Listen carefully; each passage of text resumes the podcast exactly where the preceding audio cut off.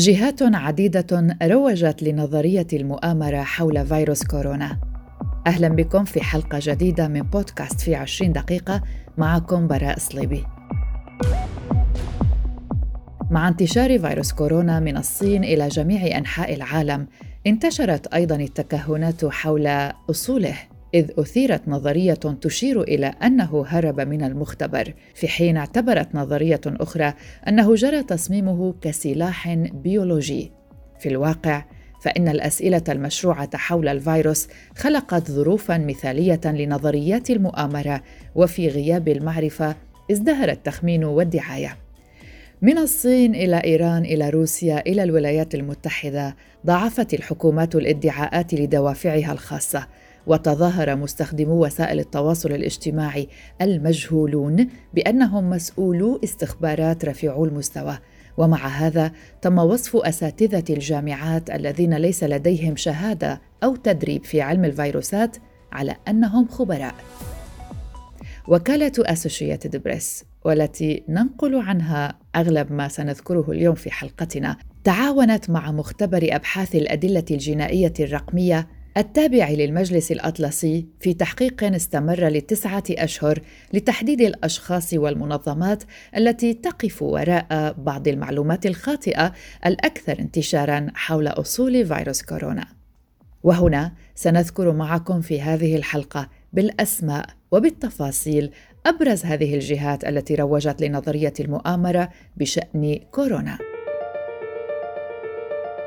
نبدأ مع المحامي الأمريكي فرانسيس بويل والذي يقول إن الفيروس التاجي هو سلاح بيولوجي معدل وراثيا جرى تسريبه من مختبر للفيروسات في ووهان. ووفقا لبويل فإن الفيروس المتجدد معدل وراثيا بعد إدخال بروتينات من فيروس نقص المناعة المكتسبة الإيدز ووفقا لأسوشيتد بريس فإن بويل هو أستاذ القانون في جامعة إلينوي وقد صاغ قانون 1989 الذي يحظر الأسلحة البيولوجية لكنه غير حاصل على أي درجة علمية في علم الفيروسات أو الأمراض الوبائية. ومع هذا فإنه ادعى أيضا أن مؤسس شركة مايكروسوفت بيل جيتس متورط في انتشار فيروس زيكا.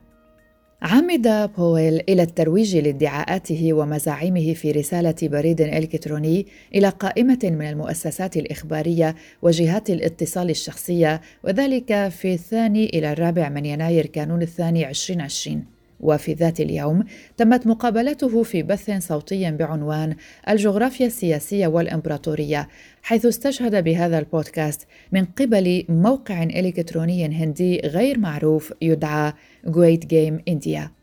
كذلك فقد جرى رصد تعليقات بويل في التلفزيون الحكومي الإيراني ووسائل الإعلام الحكومية الروسية والمواقع الهامشية في الولايات المتحدة وحول العالم.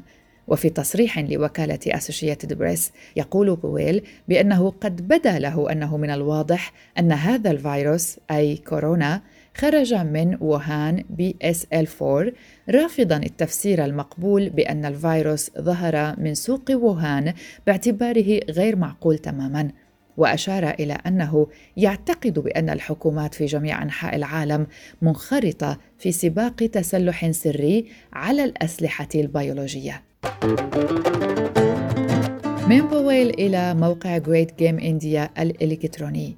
هو موقع على شبكة الإنترنت وكان يروج لنظرية أن فيروس كورونا قد تم تركيبه ووفقا أيضا لأسوشيتد بريس فإنه يوم السادس والعشرين من كانون الثاني يناير 2020 رصدت المدونة المالية اليمينية Zero Hedge مقالا على الموقع يحمل عنوان Coronavirus Bio How China Stole the Coronavirus from Canada and Weaponized It والذي يعني السلاح البيولوجي لفيروس كورونا. كيف سرقت الصين فيروس كورونا من كندا وسلحته أو وجعلته سلاحاً.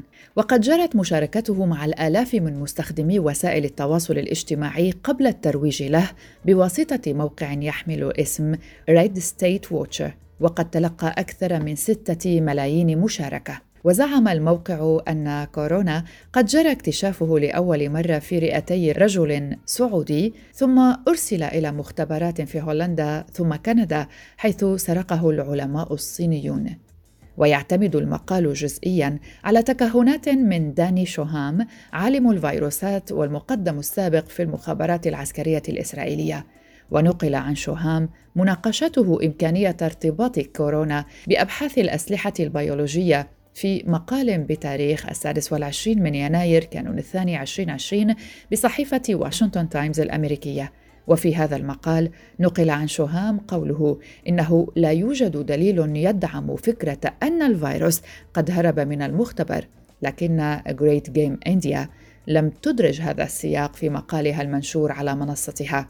وقالت شيلي كاسلي المؤسس المشارك للموقع في رسالة بالبريد الإلكتروني قالت إنهم يؤيدون تقريرهم وقالت أن الكنديون في الواقع هم من أصدروا وثائق تدعم نتائجهم مع العلماء الصينيين ولا تزال الكثير من المعلومات سرية. من جهتها أعلنت منظمة الصحة العالمية هذا الشهر أن الفيروس التاجي ظهر على الأرجح في البشر بعد انتقاله من حيوان. قائلة إن النظرية البديلة بأن الفيروس تسرب من مختبر صيني غير صحيحة أو غير مرجحة. وبالمثل خلص كبار العلماء الأمريكيين إلى أن الفيروس هو من أصل طبيعي مستشهدين بأدلة في جينومه وتشابهه مع السارس وقال فينيست راكنييلو أستاذ علم الأحياء الدقيقة والمناعة في جامعة كولومبيا قال إنه من الواضح أن الفيروس لم يتم هندسته أو إطلاقه عن طريق الخطأ.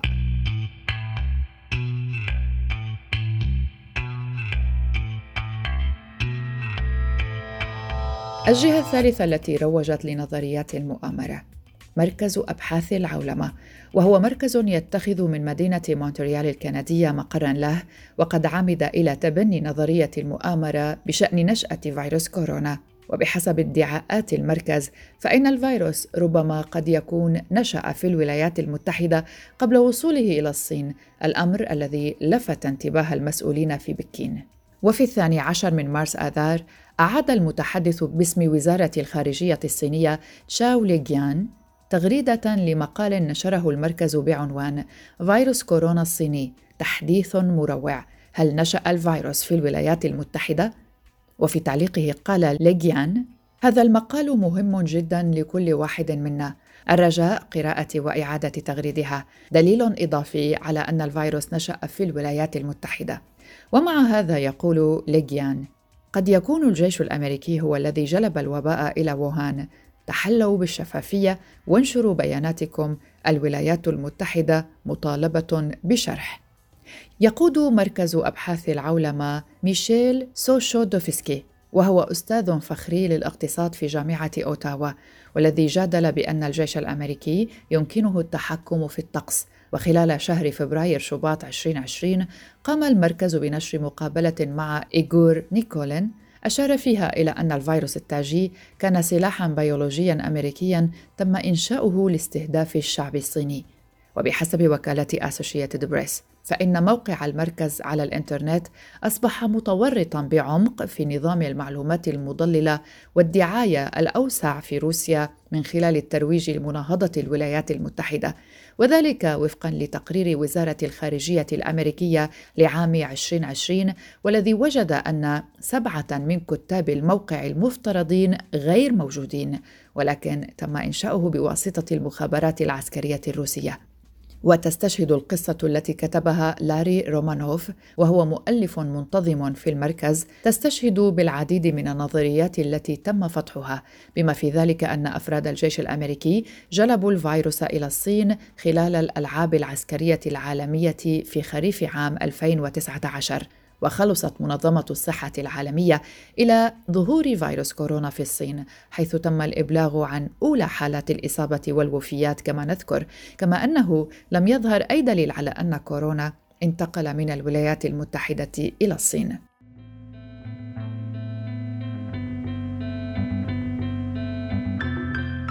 الرابع لليوم هو إيغور نيكولين.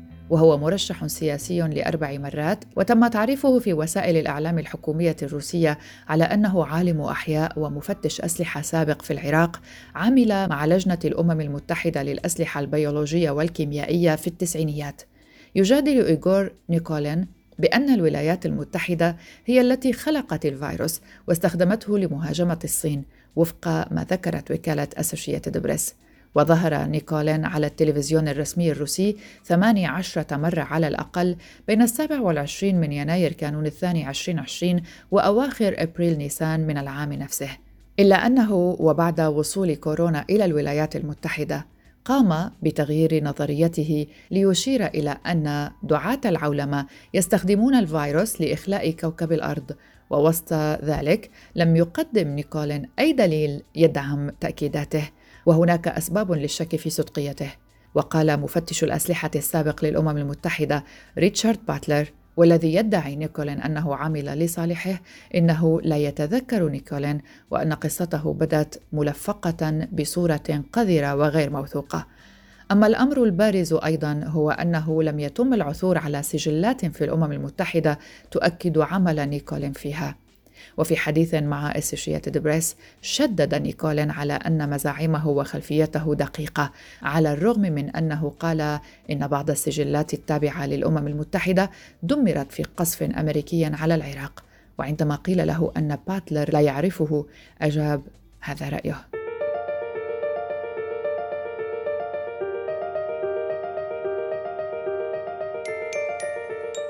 المنظر الخامس هو غريغ روبيني. وهو أحد المنظرين للمؤامرة على الإنترنت والذي يدعي أن لديه اتصالات عالية المستوى في مجال الاستخبارات ووثق حسابه على الإنترنت إلا أنه لاحقا جرى تعليق هذا الحساب على المنصة وتحديدا في نوفمبر تشرين الثاني 2020 لانتهاكاته المتكررة لسياسته. وأعيد نشر منشوراته آلاف المرات من قبل مؤيدي كيو آنون وهي المجموعة المؤمنة بفكرة الدولة العميقة وأن هناك مجموعات سرية تنتشر في حكومات العالم تسعى للسيطرة على كوكب الأرض واستعباد البشر. كان روبيني يقول إن كبير خبراء الأمراض المعدية في الولايات المتحدة أنتوني فاوتشي هو من خلق الفيروس التاجي وأنه استخدم كسلاح بيولوجي لتقليل عدد سكان العالم وتقويض الرئيس الأمريكي السابق دونالد ترامب. ومع هذه الادعاءات فإن روبيني لم يقدم أي إثبات على صحة كلامه وقد شعر بالقلق من الجهود المبذولة للتحقق من ادعاءاته فعندما سأل أحد مستخدمي وسائل التواصل الاجتماعي سؤالي لك روبيني هو أين وما هو دليلك؟ أجاب روبيني باقتضاب سؤالي هو لماذا يجب أن أعطيها لك؟ تعالوا ننتقل إلى كيفن باريت وهو محاضر سابق عن الإسلام في جامعة ويسكونسن ماديسون. يطلق على نفسه اسم صاحب نظرية المؤامرة المحترفة لعدم وجود مصطلح أفضل. وجادل بأن المؤامرات الحكومية كانت وراء تفجير مدريد عام 2004 ووراء تفجير لندن عام 2005 وتفجير ماراثون بوستون عام 2013 وإطلاق النار على ملهى ليلي في أورلاندو عام 2016 وقال باريت إنه متأكد بنسبة 80% من أن فيروس كورونا تم إنشاؤه بواسطة عناصر داخل الحكومة الأمريكية باعتباره سلاحا بيولوجيا ويستخدم لمهاجمة الصين. ومع هذا فقد أشار باريت إلى أن إيران كانت هدفا ثانويا وكتب لقناة بريس تي في الإيرانية إن التفشي المبكر في ذلك البلد يشير إلى أن الأمريكيين و أو شركائهم الإسرائيليين ربما هاجموا إيران عمدا. وفي حديث مع وكالة أسوشيتد بريس قال باريت بدا واضحا إلى حد ما بالنسبة لي أن الفرضية الأولى التي يمكن أن ينظر إليها المرء عندما يحدث شيء غير عادي مثل جائحة كوفيد هو أنه سيكون ضربة حرب بيولوجية أمريكية.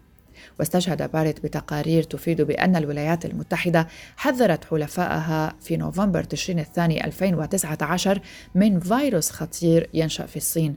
ويقول باريت أن هذا كان قبل وقت طويل من علم السلطات في الصين بخطورة تفشي المرض وبحسب أسوشيتد بريس فإن مصادر رسمية نفت توجيه أي تحذير. ووفقا لوزير الخارجية السابق مايك بومبيو فإنه إذا كانت الولايات المتحدة على علم بالفيروس في وقت قريب فمن المحتمل أن يكون ذلك بفضل مصادر استخباراتية داخل الصين والتي ربما تكون على علم بالفيروس في وقت مبكر من نوفمبر 2019 وفقا لوزير الخارجية السابق. ننتقل إلى لوك مونتانيه وهو عالم فيروسات فرنسي مشهور عالميا فاز بجائزة نوبل في عام 2008 لاكتشافه فيروس نقص المناعة المكتسبة الإيدز بحسب أسوشيتد بريس وخلال مقابلة في أبريل نيسان مع قناة CNews الفرنسية ادعى مونتانيه أن فيروس كورونا لم ينشأ في الطبيعة وأنه متلاعب به. وقال إنه أثناء عملية صنع لقاح الإيدز أخذ شخص ما المادة الوراثية وأضافها إلى فيروس كورونا. ويستشهد مونتانيه بورقة مسحوبة نشرت في يناير كانون الثاني من علماء هنود قالوا إنهم عثروا على تسلسل لفيروس نقص المناعة المكتسبة في فيروس كورونا. ووفقا لأسوشيتد بريس فإنها قامت بعدة محاولات للاتصالات بمونتانيه إلا أنها باءت بالفشل.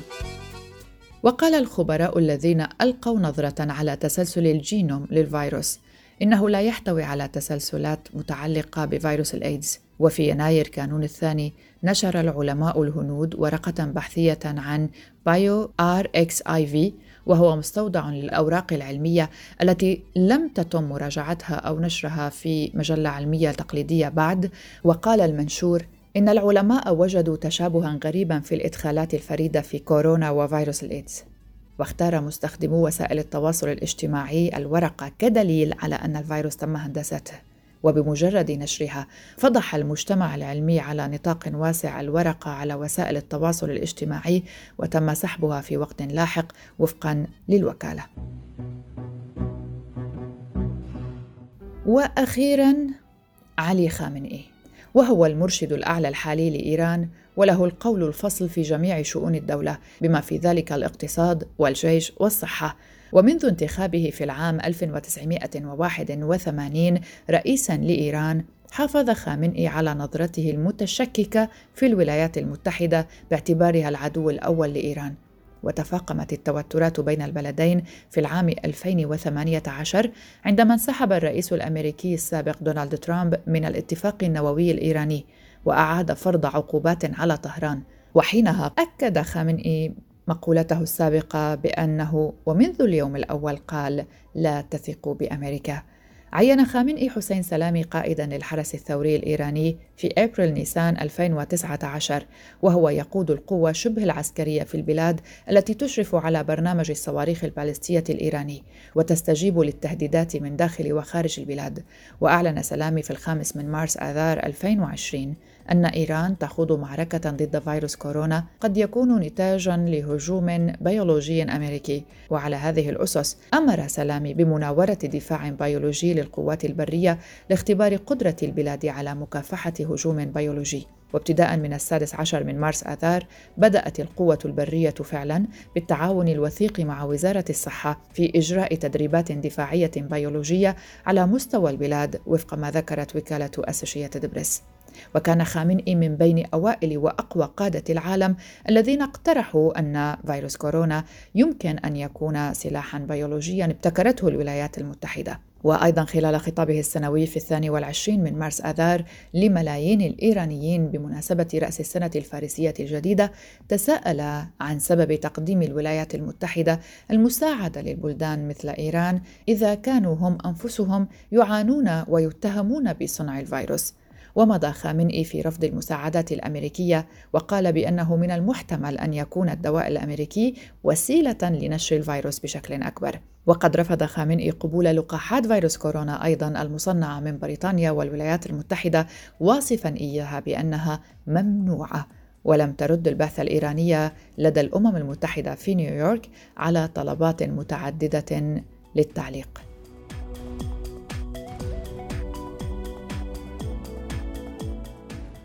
هذه كانت حلقة اليوم من بودكاست في عشرين دقيقة. كنت معكم من وراء المايك براء صليبي شكرا لكم لحسن الاستماع. إلى اللقاء.